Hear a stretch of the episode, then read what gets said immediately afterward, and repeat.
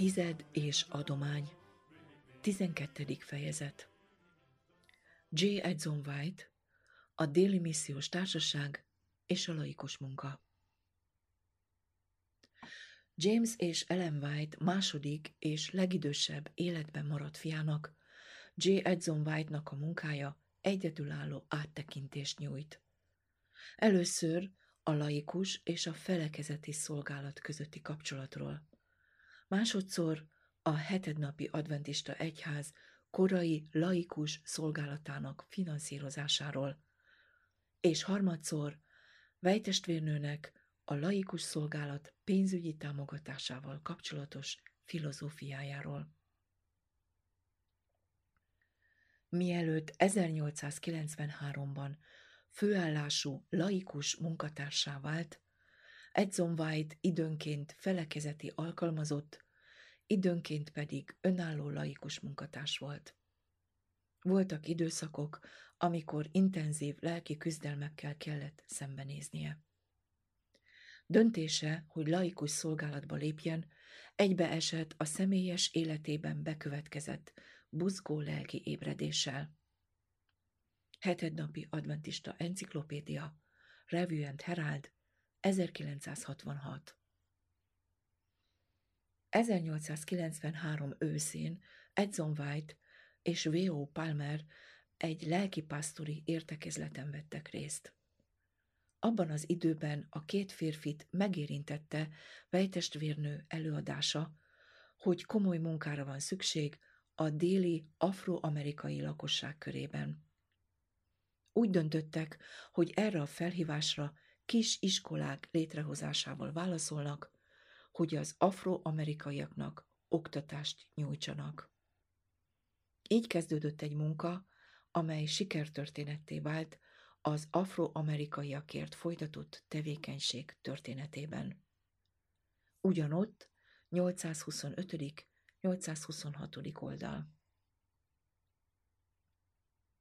Éppen ez a munka ad néhány lenyűgöző betekintést abba a kapcsolatba, amely a laikus és a felekezeti dolgozók között létrejöhet.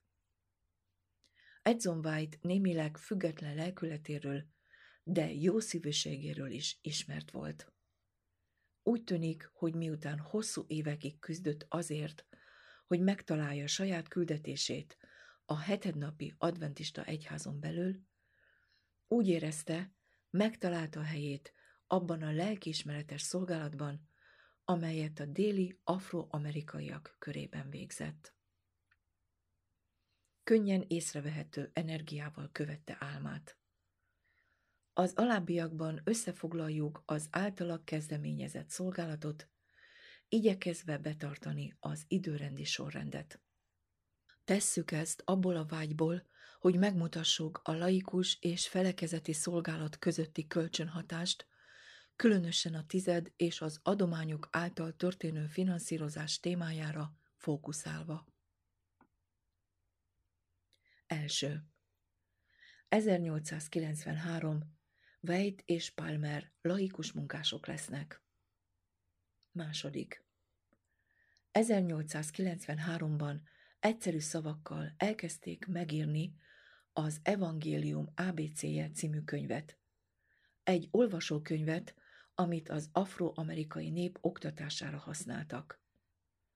A könyvet a Revue and Herald adta ki. Harmadik.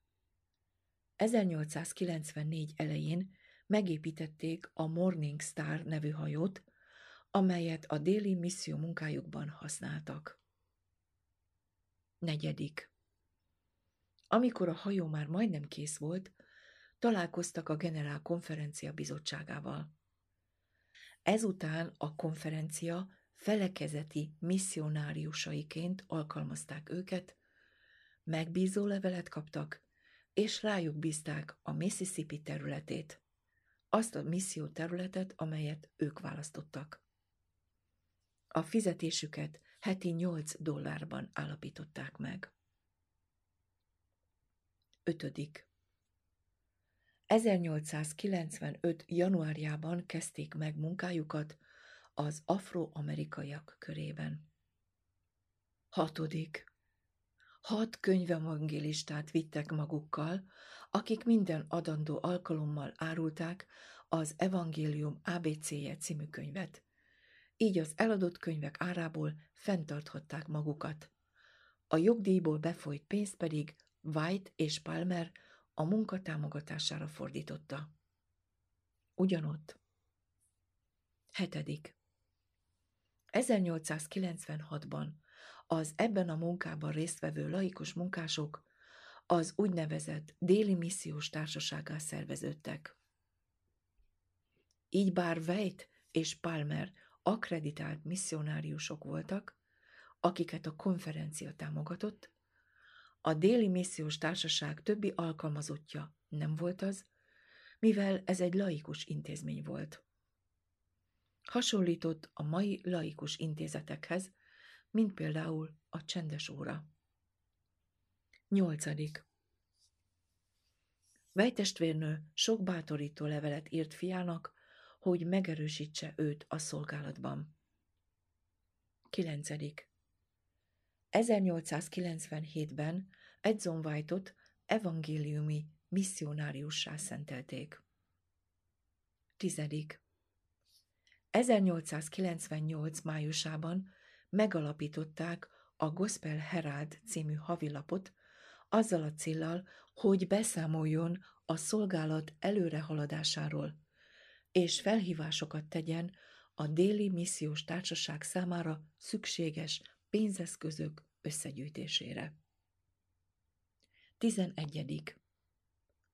Edson White 12 könyvet írt a déli missziós társaság finanszírozására. 12. A századfordulón a társaság székhelyét Nashville-be helyezték át. 13. 1901-ben megalakult a Déli Unió konferencia, és a Déli Missziós Társaságot a konferencia egyik ágának fogadták el. 14. A Déli Missziós Társaság azonban egy jó ideig administratív szempontból függetlenül működött, és legalább 1906-ig önkéntes projektként folytatta működését. 15. Komoly aggályok merülnek fel Edson White költségvetési felelősségvállalásának hiánya miatt. Vejtestvérnő felismerte ezt, és 1902-ben azt a tervet támogatta, hogy Edson White-nak ne legyen az unió kincstárától független pénztára. 16. 1903-ra a Déli Kiadói Egyesület elvált a Déli Missziós Társaságtól. 17. Ebben az időszakban vejtestvérnőt és más nőket Isten arra hívott el, hogy tizedükkel támogassák a déli missziós társasághoz csatlakozott afroamerikai önkéntes munkásokat. Watson levél 1905 18. 1905-ben a déli missziós társaság képviselői elmentek a kolorádói konferenciára, hogy a déli szolgálatukhoz pénzeszközöket kérjenek, beleértve a tizedet is. Ez bosszantotta a kolorádói konferencia elnökét, és White testvérnőnek levelet kellett írnia neki. 19. 1906 után a déli missziós társaság munkája fokozatosan beolvadt a déli unió konferenciába. Az afroamerikai munkát az unió égisze alá helyezték, beolvasztották a felekezeti munkába, és a felekezeti pénztárból fizették őket. Hetednapi adventista enciklopédia 896., 1419. és 1240. oldal. A déli missziós társaság korai éveiben vejtestvérnő energikusan támogatta fia pénzgyűjtési felhívásait, amelyeket közvetlenül a gyülekezeti tagokhoz intézett. Azt kérdezett tőlem, hogy mit tegyél most, amikor ilyen kevés segítséget kap a részleg, ahol dolgozol? Azt mondom neked, bízzál az Úrban. Bizonyára van mód a déli misszióterület szükséges pénzforrásainak biztosítására. Közvetlenül a hívőköz fordulj. Az adott körülmények között ez az egyetlen lehetséges megoldás. Nem a mi felekezeti újságjainkon keresztül kérjétek, mert nem fogtok kapni.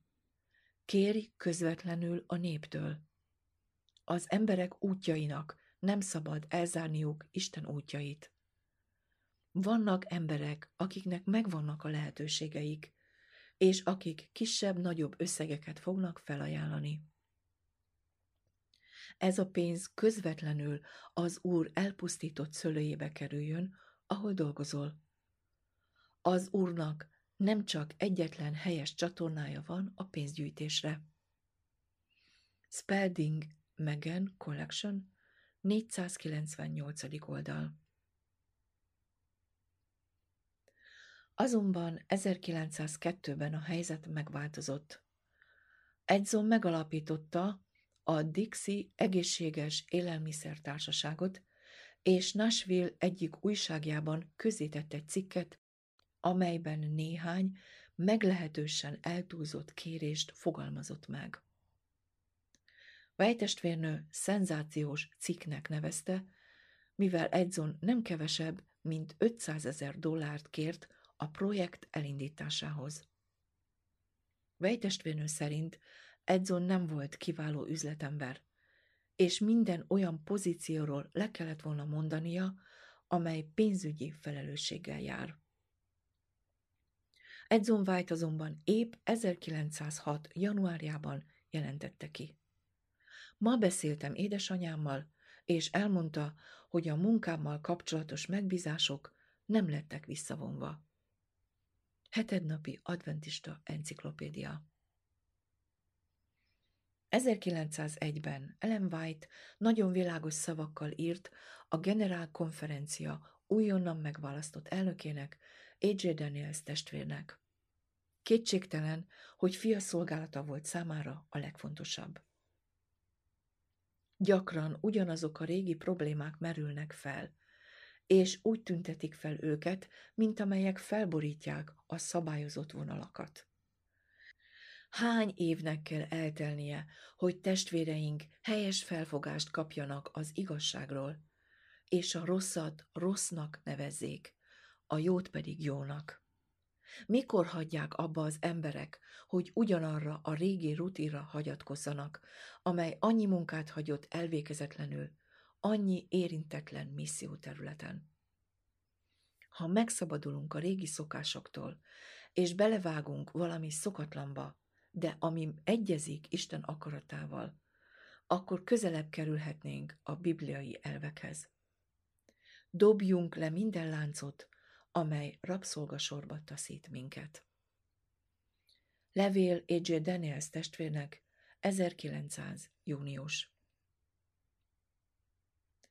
1899-ben William White testvér a következőket írta a déli munkáról. Anya úgy véli, hogy van egy kivétel a fenti terv alól, hogy a pénzt a konferenciára küldjük.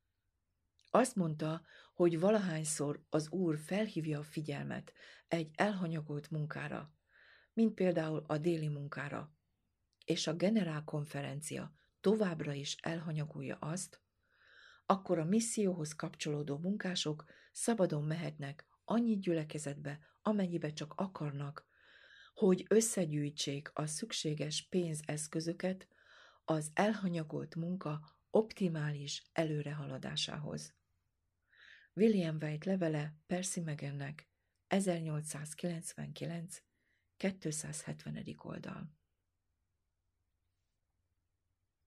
Foglaljuk össze Edson White déli missziós társaság munkájából összegyűjtött információkat. Első.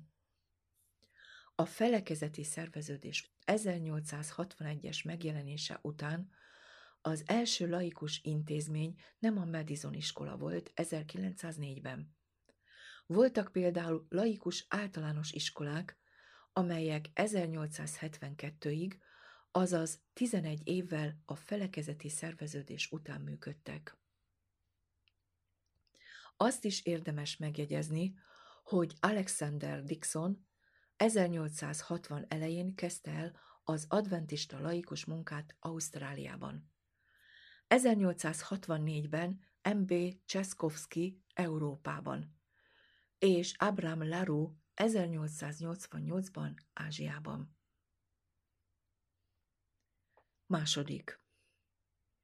A déli missziós társaság részben laikus intézmény maradt egészen 1906-ig, amikor Butler testvér a generálkonferencia korábbi elnöke, a kuratórium tagja lett.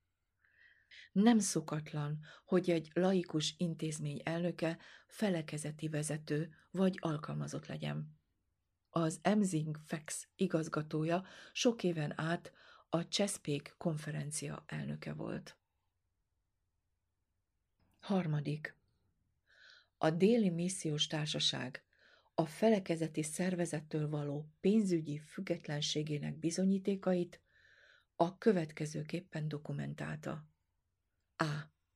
Edson White maga vásárolta meg a Morning Star hajót. B. A déli missziós társaság 1898-ban önálló szervezetként integrálódott. C. Az összes megvásárolt ingatlan egy társaság tulajdonában volt. D.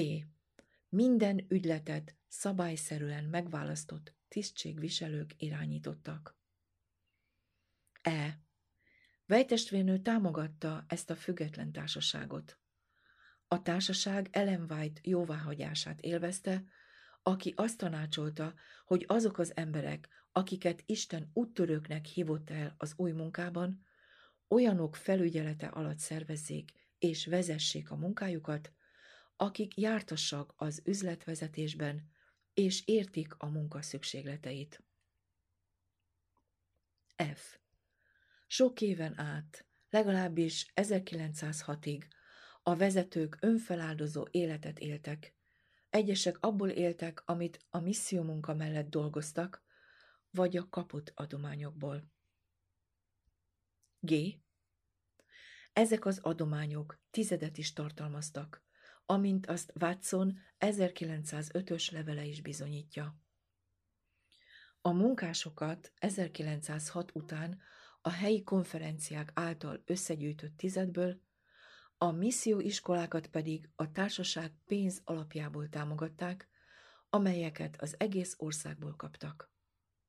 Valójában, mivel a déli konferenciák közül csak három volt képes fenntartani magát, vagyis munkáját az egyháztagok hozzájárulásaiból finanszírozni, a társaság segélyt küldött az érintett lelkészeknek és munkásoknak.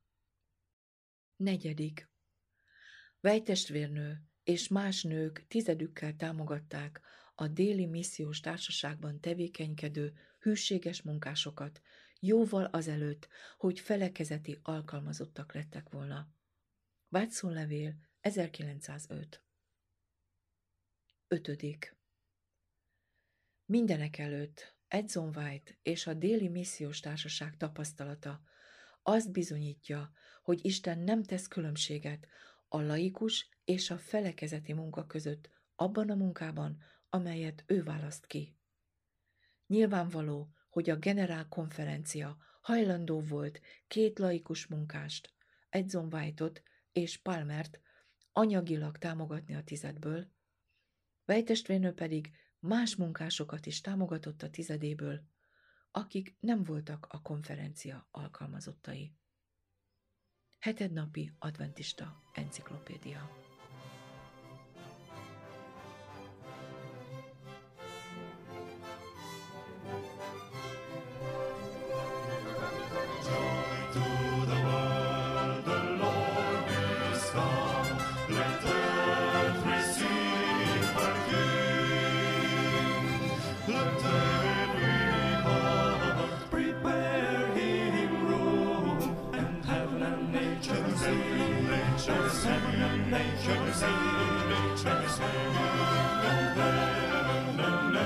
shall see.